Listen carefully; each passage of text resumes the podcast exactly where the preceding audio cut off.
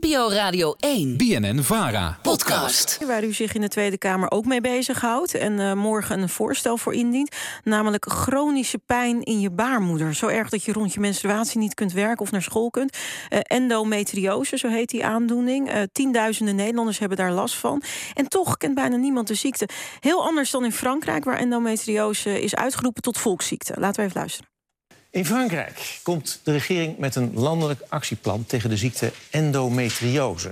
1 op de 10 vrouwen krijgt die ziekte. Die kan leiden tot onvruchtbaarheid. Nu is het nog vaak zo dat endometriose verward wordt met een pijnlijke ongesteldheid. Zelfs artsen herkennen het niet. Vrouwelijke patiënten worden daarom gewoon weer naar huis gestuurd en endometriose groeit verder. President Macron gaat massaal investeren in onderzoek naar de ziekte. Franse artsen krijgen betere opleidingen en het publiek krijgt veel meer informatie. Ook Nederlandse deskundigen pleiten voor meer onderzoek. Ja, en een van die deskundigen die dat ook vindt... is hoogleraar voortplantingsgeneeskunde aan de Radboud Universiteit Annemieke Nap. Uh, zij is gespecialiseerd in endometriose. Goedemiddag, mevrouw Nap. Um, om even bij, bij, u uh, bij het begin te beginnen. Hè. Wat, wat is endometriose precies? Ja, heel even ter correctie. Niet tienduizenden vrouwen in Nederland hebben er last van, maar ongeveer een half miljoen. Dus het is echt iets wat ontzettend ja. veel voorkomt. Uh, maar endometriose, dat wil eigenlijk zeggen de, de aanwezigheid van weefsel dat lijkt op baarmoederslijmvlies. En baarmoederslijmvlies zit normaal gesproken alle, alleen maar aan de binnenkant van de baarmoederholte. Maar als dat weefsel wat daarop lijkt ook aan de buitenkant van de baarmoeder uh, voorkomt, dus in de buikholte, uh, dan spreek je van endometriose. Oké, okay, en wat zijn de gevolgen daarvan? Ja, vrouwen krijgen daar vaak uh, hele hevige invaliderende buikpijnklachten van. Hè. Rondom de menstruatie uh, begint dat vaak. Uh, voor de menstruatie en tijdens de menstruatie. Als het langer duurt, die ziekte, dan, dan kan die pijn zich ook uitbreiden tot, tot chronische buikpijn. -hmm. Maar met name dus pijn in de buik, vermoeidheid, een opgeblazen gevoel, pijn in je rug, uitschrijven naar je benen, pijn bij het vrijen, soms pijn bij plassen en pijn bij de ontlasting.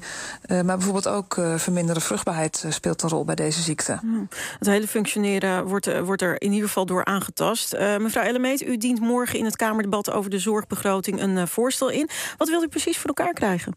Ik wil eigenlijk twee dingen voor elkaar krijgen. Allereerst dat mensen weten dat deze ziekte bestaat. En dan begint het al bij vrouwen zelf. Dat heel veel vrouwen hebben hier nog nooit van gehoord. Ik moet je eerlijk zeggen, ik had er tot twee jaar geleden ook nog nooit van gehoord. Terwijl dus zoveel vrouwen er last van hebben.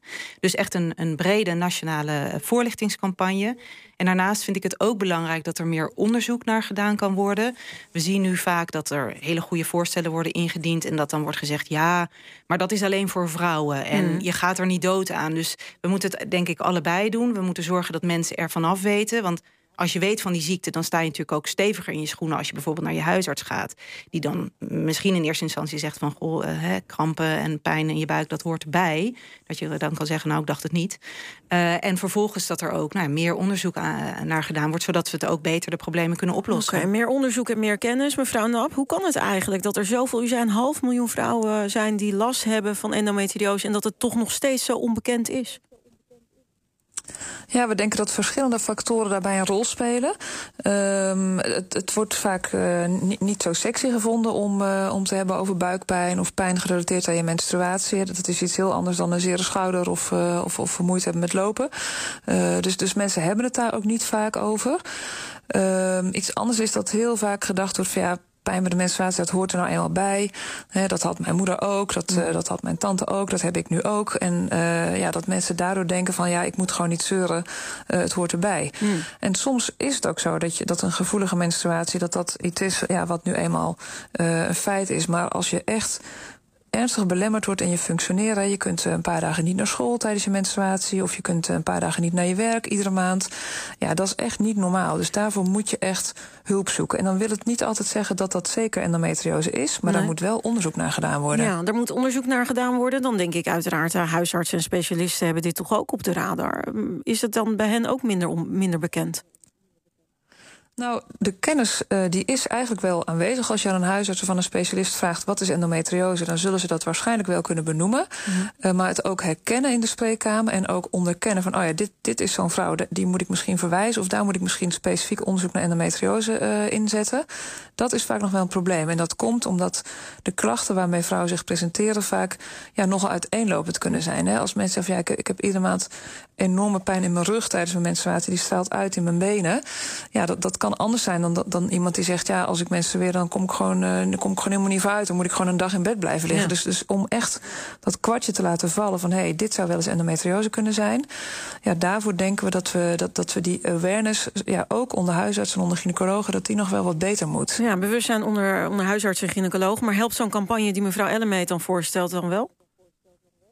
Ja, wat mij betreft zeker. En vooral, hè, wat ik net zei, dus dat, dat mensen denken van... oh ja, mijn moeder had dit ook, mijn tante had dit ook... dus het zal wel normaal zijn.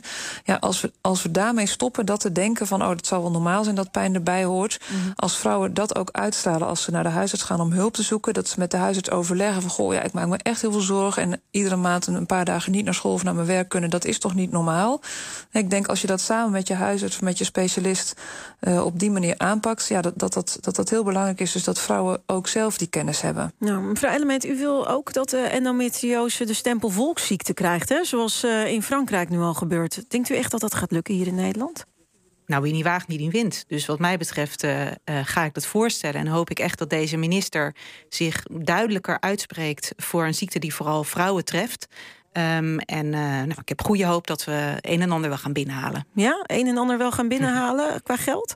Ja, we hebben natuurlijk veel geld nodig voor zo'n uh, campagne. En uh, nou, ik heb goede hoop. Goed. Dank GroenLinks-Kamerlid Corine Ellemeet en Annemiek Knap, hoogleraar voortplantingsgeneeskunde. Meer van de Nieuwsbv?